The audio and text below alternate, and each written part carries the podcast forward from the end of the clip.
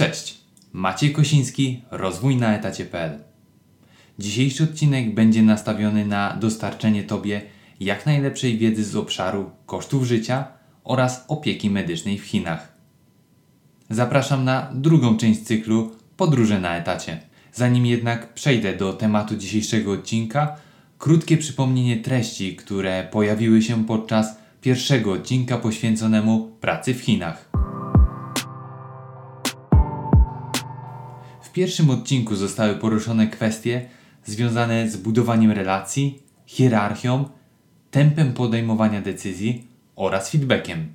Zachęcam Cię gorąco do obejrzenia pierwszego nagrania, który znajdziesz w opisie tego odcinka, albo po prostu kliknij w miniaturę, którą teraz dla Ciebie wyświetlam.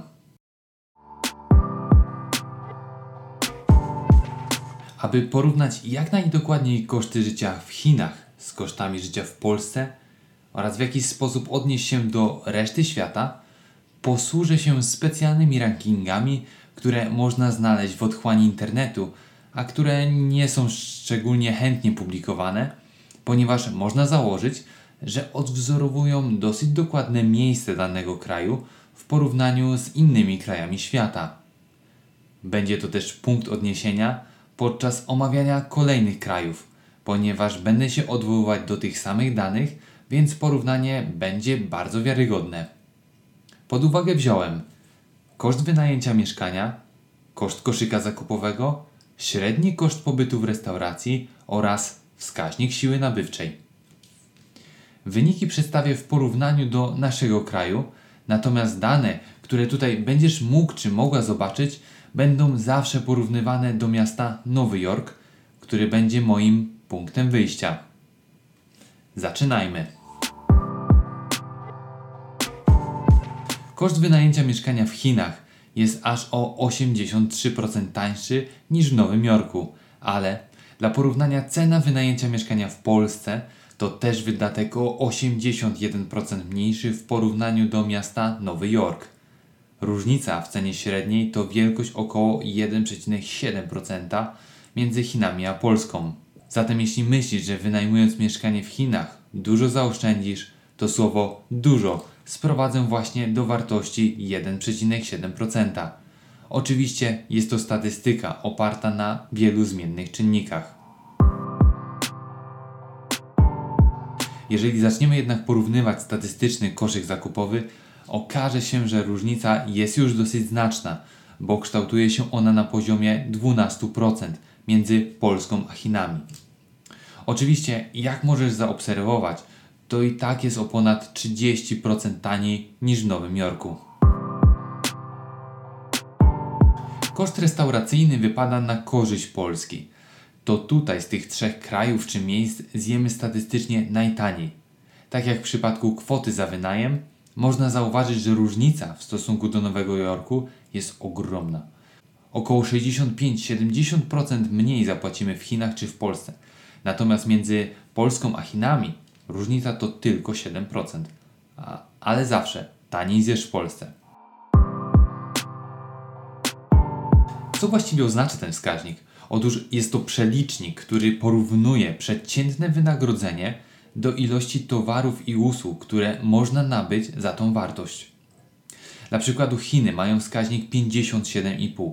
Należy to interpretować tak, że mieszkańcy tego kraju o przeciętnym wynagrodzeniu mogą sobie pozwolić na zakup o średnio 42,5% mniej towarów i usług niż mieszkańcy Nowego Jorku ze średnią pensją. Polska, jak możesz zauważyć, ma wskaźnik na poziomie 47,1, a więc kupimy około 53% mniej towarów i usług niż nasze odniesienie, a więc miasto Nowy Jork. Ale tutaj jest chyba największa różnica. Za średnią w Chinach kupimy więcej niż za średnią w Polsce. Kto by pomyślał? W ogólnym rankingu tego wskaźnika Polska znajduje się dopiero na 52 miejscu, a Chiny na 39. Porównując te cztery wskaźniki, na pewno możesz zauważyć, że różnica pomiędzy Chinami a Polską, w zależności od kategorii, mieści się w przedziale od 1,5 do 12%. Nie jest to ogromna różnica, więc jeżeli myślisz, że tam daleko na wschodzie, w takim kraju jak Chiny jest wszystko tańsze, to absolutnie jest to błąd. Podczas moich podróży do Chin miałem do czynienia z tymi wskaźnikami, jak najbardziej mogę to potwierdzić swoim doświadczeniem. Chiny są krajem bardzo szybko rozwijającym się i ceny w ostatnich latach bardzo mocno poszły w górę. Dlatego różnica pomiędzy naszymi krajami waha się w wielkościach, które przed chwilą podałem. Warto jednak podkreślić, że różnica pomiędzy naszymi krajami w stosunku do miasta Nowy Jork to nadal przepaść. Opieka medyczna. Dlaczego będę mówił o opiece medycznej w Chinach? Dlatego, że jest to niezwykle ważny aspekt dla osób chcących przenieść się do innego kraju. Wybór opieki medycznej można porównać nawet do stresu związanego z barierą językową czy kulturową. Chiny stworzyły swój własny system opieki medycznej, który według statystyk uwzględnia aż 90% populacji. Przy wielkości kraju jest to imponujący wynik. Niemniej, w zależności od regionu, podejście i respektowanie narzucanych przepisów może się różnić.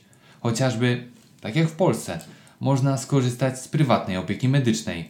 Cały system opieki rządowej posiada w swoim zakresie ubezpieczenie, kontakt z lekarzem oraz poród, co jest dosyć ciekawym rozwiązaniem. Rozróżnia się trzy rodzaje ubezpieczeń medycznych. Pierwsze podstawowe ubezpieczenie dla pracowników przedsiębiorstw miejskich. Drugie podstawowe ubezpieczenie dla innych mieszkańców miast. Oraz trzecie zdrowotne na wsi dla ludności rolniczej. Ubezpieczenie medyczne pracowników jest oczywiście obowiązkowe, a koszty pokrywane są zarówno przez pracodawcę, jak i pracownika. W zależności od organizacji koszt ten będzie różny. Natomiast średnio przyjmuje się, że, że będzie to 6% kosztów związanych z wynagrodzeniem pracownika przez pracodawcę i 2% pochodzących z wynagrodzenia pracownika. Mówiąc już o opiece medycznej, chciałbym krótko nawiązać również do urlopu macierzyńskiego, jaki w Chinach jest stosowany, gdyż jest to jedna z ważniejszych różnic, z którą możesz się spotkać żyjąc w tym kraju. Urlop macierzyński w Chinach trwa 98 dni i zawiera już w nim 15 dni przed planowanym porodem. Więc jeżeli poród przebiega zgodnie z planowanym terminem, to po urodzeniu zostają 83 dni, w których możesz liczyć na urlop macierzyński. Bardzo restrykcyjne podejście, ale można wierzyć, że tak jak z podejściem do ilości dzieci, system ten będzie szybko ewoluował i zbliżał się do zachodniego podejścia. Mam nadzieję, że dzisiejszy odcinek w połączeniu z pierwszym nagraniem pomógł Tobie poznać najważniejsze aspekty pracy, jak i życia w Chinach. Jest to bardzo inspirujący kraj, mający jak każdy swoje plusy i minusy. Natomiast jeżeli chcesz poznać zupełnie odmienną kulturę i styl życia, to Chiny są miejscem dla Ciebie. Co więcej, umiejętność posługiwania się tym arcytrudnym językiem będzie Twoim dodatkowym atutem i będziesz mógł czy mogła wykorzystać to w codziennej pracy w chińskich przedsiębiorstwach. W kolejnym odcinku podzielę się z Tobą informacjami na temat work-life balance w Chinach. Czy to naprawdę istnieje? Co oznacza skrót 996? Już dzisiaj bardzo Cię serdecznie zapraszam. Jeżeli jest obszar, który chcesz, abym poruszył podczas swoich odcinków, to daj mi znać w komentarzu. Zachęcam do subskrybowania kanału i nie zapomnij dać łapki w górę. Cześć!